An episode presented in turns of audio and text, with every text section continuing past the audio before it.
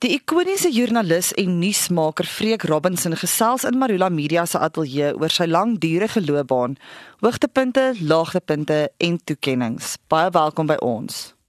Baie dankie. Nou goed Freek, jy het onlangs by die Silverskermfees 'n lewensbydra toekenning gewen en ek was gelukkig genoeg om daar te wees in die oomblik. Dit was vir jou 'n baie emosionele oomblik soos wat dit vir my gelyk het. Wat was dit omtrent hierdie toekenning wat jou so bewoe gelaat het? Wel ek het dit in die eerste plek nie verwag nie. En dit tref mense dat jy jou hele loopbaan, dit sien nou meer as 40 jaar die voorreg gehad het om in hierdie bedryf te wees en dit is nou so op die einde. So opruiming wat plaasvind, maar omdat dit ook was met 'n toekenning, is ek baie dankbaar daarvoor. Kom ons gesels 'n bietjie oor jou kleurryke loopbaan. Ek meen uiteraard was daar baie hoogtepunte en baie laagtepunte. Is dit moontlik om enigsins hoogtepunte uit te lig of is jou loopbaan net so vol dat dit eintlik onmoontlik is om so iets vir iemand te verduidelik? Ja, daar is hoogtepunte en laagtepunte, maar in die geheel as jy mens kyk na alles, dan is ek regtig bevoorreg geweest om by al die vreeslike nuus betrokke te wees. Daar waar daar oorgange was of veranderings in die internasionale politiek en so aan. Byvoorbeeld die val van die Berlynse muur. Ek was toe die nuus gebreek het dat die muur gaan val, was ek in Skotland geweest besig om 'n storie daar. Ek het toe onmiddellik uh, Edinburgh toe gaan na die lughawe toe ingespring in die vliegtuig tot by Heathrow gegaan huis toe gaan 'n bietjie klere gekry terug op die vliegtuig Berlyn en toe daai dag later daar aangekom. So dit was 'n ongelooflike ervaring om te sien hoe 'n bepaalde stelsel regeringsstelsel tot 'n val gekom het met implikasies vir die hele wêreld, insluitend van Suid-Afrika wat in daai tyd nog betrokke was by die oorlog in Angola. So daai was 'n soort van verskywing internasionale verskywing van die politieke bedelings wat plaasgevind het en ek was gelukkig om iets daarvan te kon meemaak. Byvoorbeeld ons het gery van Berlyn af al met die draad langs want onthou dit is nie net Berlyn wat afgekamp is in agter drade en so aan nie. Maar dit was hele Oos en Wes-Duitsland. En ek het saam met my kamerman gery vir omtrent so 120 km of so tot ons by 'n klein dorpie uitgekom het. Ehm uh, wat middeldeur verdeel is deur die Oos-Duitsers en toe die mense die eerste keer die geleentheid gehad om meer as 40 jaar of so familielede, vriende en so aan opnuut te ontmoet na al daardie tyd so. van verwydering en so aan. En die emosies wat daarbey betrokke was. Ons het een aand byvoorbeeld saam met mense geëet en hulle stories vertel van hoe lank laas hulle mekaar gesien het oor jare Jy kyk kyk kyk deur aan die kant die heining. Daar loop my vriende of familie en hulle vir mekaar, maar hulle kan nooit by mekaar uitkom nie. Alles net weens daai strakke benadering tot politiek wat die kommuniste gehad het, die Sowjetunie en daardie bepaalde tyd. So ek sê dit was 'n groot hoogtepunt. As 'n storie op op die lig self was dit miskien nie so groot nie, maar die besef daarvan van wat die betekenisse en die gevolge daarvan gaan wees internasionaal. En van dat dit eers begin duidelik blyk daarna en hoe die instelsel deur anders vervang is maar nie eintlik wat wonders nie. Met Jeltsin wat toe die president geword het maar 'n bietjie van 'n dronkaard was en nie baie goeie leier nie. En wat vir sy chommies uh, olievelde en goederes gegee het en hulle skatryk gemaak hy self was ook maar nie wat wonderse figuur gewees nie en hy self was betrokke by die kies van Putin as sy opvolger. En kyk net wat sy gemors het ons as gevolg daarvan. Wat weer eens die hele wêreld eintlik benadeel en tref. So Rusland het eintlik 'n baie negatiewe rol gespeel oor 'n lang tydperk nou al. En mense het meer van hulle verwag as wat ons nou vandag belewe. En as jy nou moet kyk na laagtepunte, is laagtepunte iets wat jy onthou en dan vashou of is laagtepunte iets wat jy deurwerk en jy laat gaan dit? Wel ek sou sê as mens oor koepelende kyk vat na die nuus van al die jare dan is seker die ding wat uitstaan binne die ou SAIK is die verbod wat daar was deur die regering op baie van die nuus. Byvoorbeeld ons het van Reuters in Londen het ons film gekry, ou rolletjies film wat hulle vir ons gestuur het elke tweede dag of so. So dit was ook nie reg so nuus op die hakke van die nuus nie. Maar Reuters het vir ons dan film gestuur en dan is dit internasionale nuus. En dit is gewissel van enige ding, van 'n busongeluk in die Punjab tot by so Suid-Afrikaanse soldate wat in Angola besig is om te veg. En dit terwyl die weermag van sê daar bestaan nie so iets dat die weermag in Angola is nie. So daai nuus is absoluut uh, uitgesny. En toe ons nou vir die weermag sê nou maar ons het hierdie film. Kan julle kommentaar lewer toe stuur hulle mense na die SAK toe toe dadelik beslag lê op die film. En sê ons mag nie dit uitsaai nie.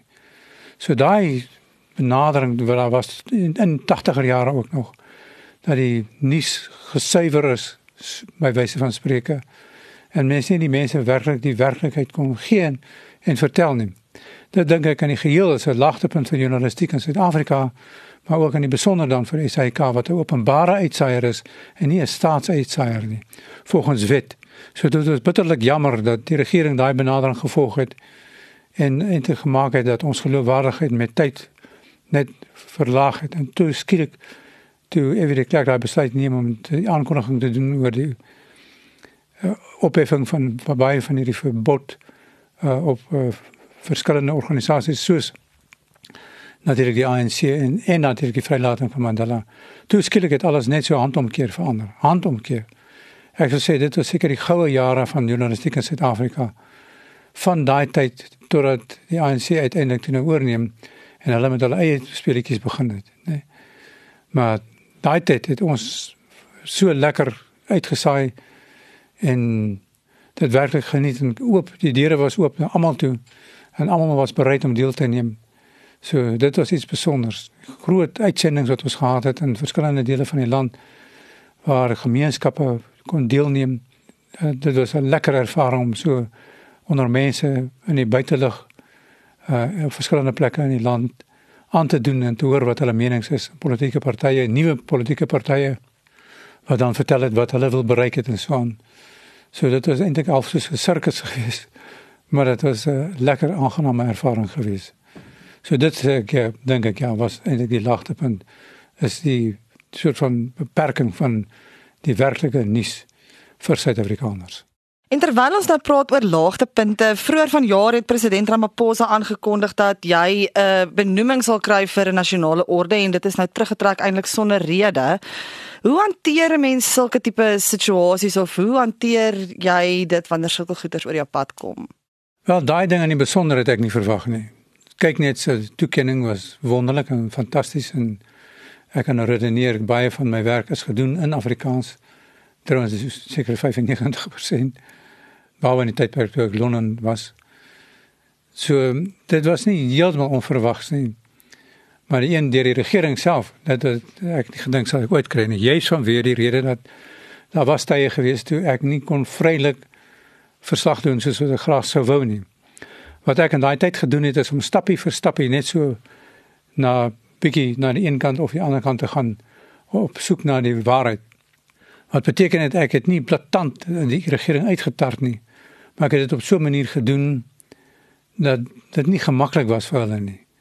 PW Botha het ek gehoor by ander mas insluitend by Pikbotha is dat hy gedink het ek was 'n Amerikaanse spioen en dat ek te parmantig is en also. Weet so, dis maar hoe ek gedink het ek kan 'n bydrae lewer deur vrae te vra.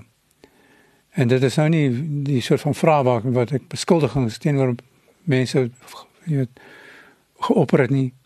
Toe dit nou kom was dit vir my nou uit die bloute uit heeltemal snaaks eintlik.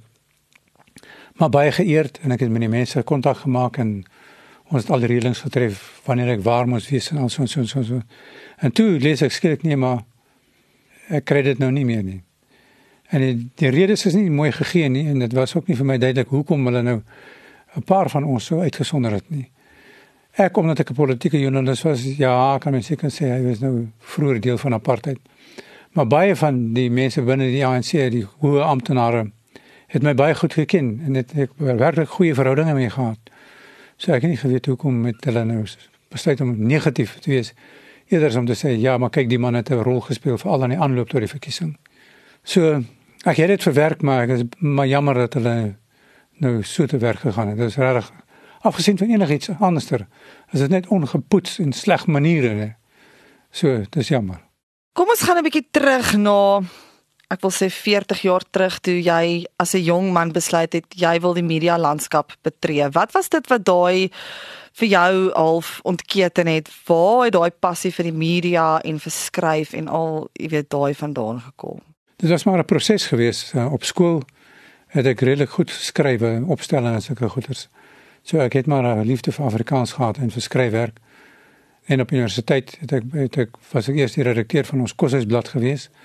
Ek was in Boekenhout en daar saam met van my argitektsvriende het ons in 'n ingenieurs hoofsaaklik ingenieurskursus het ons nou hierdie boekie uitgebring wat nou ons maandelikse 'n soort van blad was. En ek het vir die perde by wat die algemene studente koerant was van Tikkies het ek ook bydraes gelewer oor kultuursake en sport eksplorasie byvoorbeeld wat duik en stap en bergklim ingesluit het. So en toe daar toe ek heel toevallig toe ek my honeurs besig was om te studeer in Afrikaans met die doel dat ek uiteindelik miskien 'n lektor sou word in Afrikaans. Het ek toe nou besluit wel kom ek probeer minstens terwyl ek besig is met my honeurs of ek nie eers werk kan kry om 'n bietjie geld te maak dat ek dan maar in die lewe kan bly nie.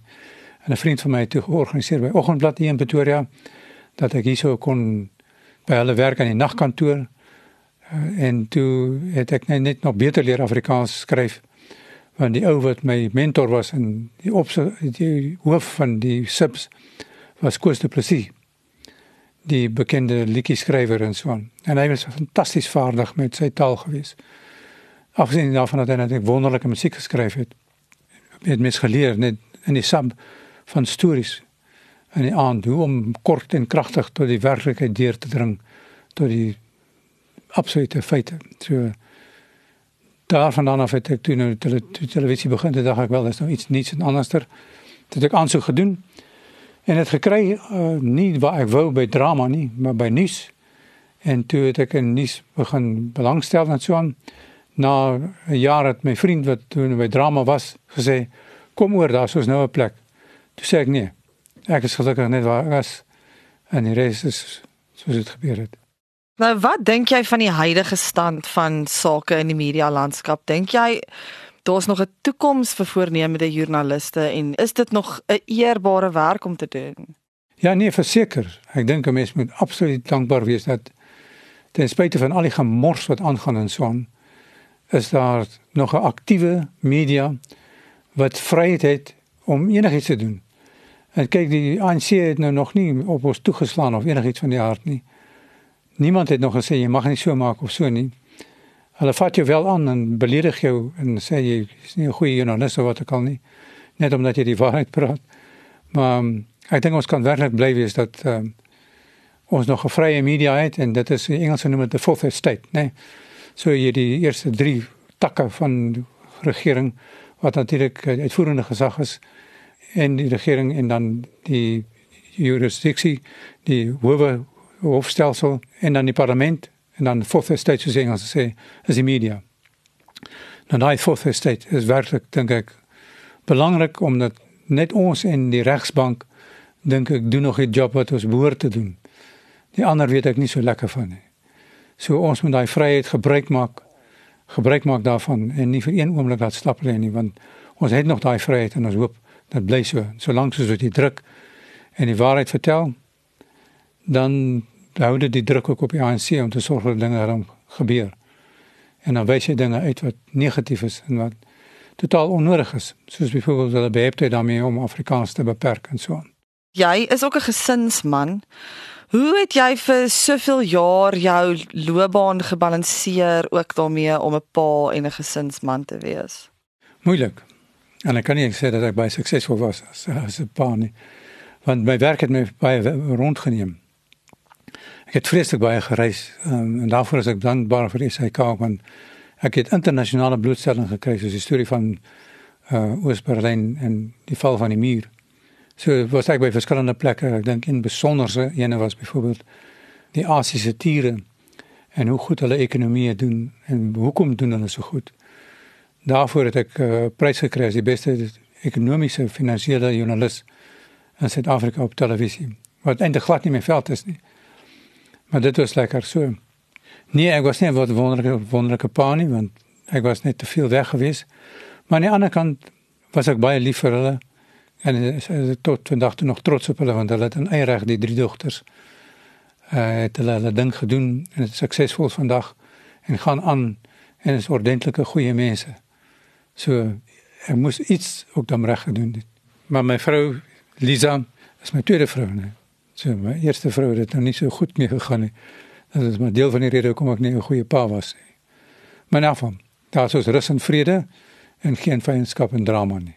Nou wat lê nou volgende voor? Jy het nou genoem jy is besig om opruimingswerk te doen soos wat jy dit noem. Wat lê nou vir jou voor? Wel, ek is baie dankbaar teenoor Marula Media en dat ek uh, die kans kry so een keer 'n maand of so om vir hulle 'n rubriek te skryf. Ek werk ook vir Litnet, uh, doen onderhoude vir hulle, ek skryf rubrieke en so aan. So ek bly besig. Ek sorg dat ek werklik besig is. Lisa is 'n wonderlike ondersteuning vir my.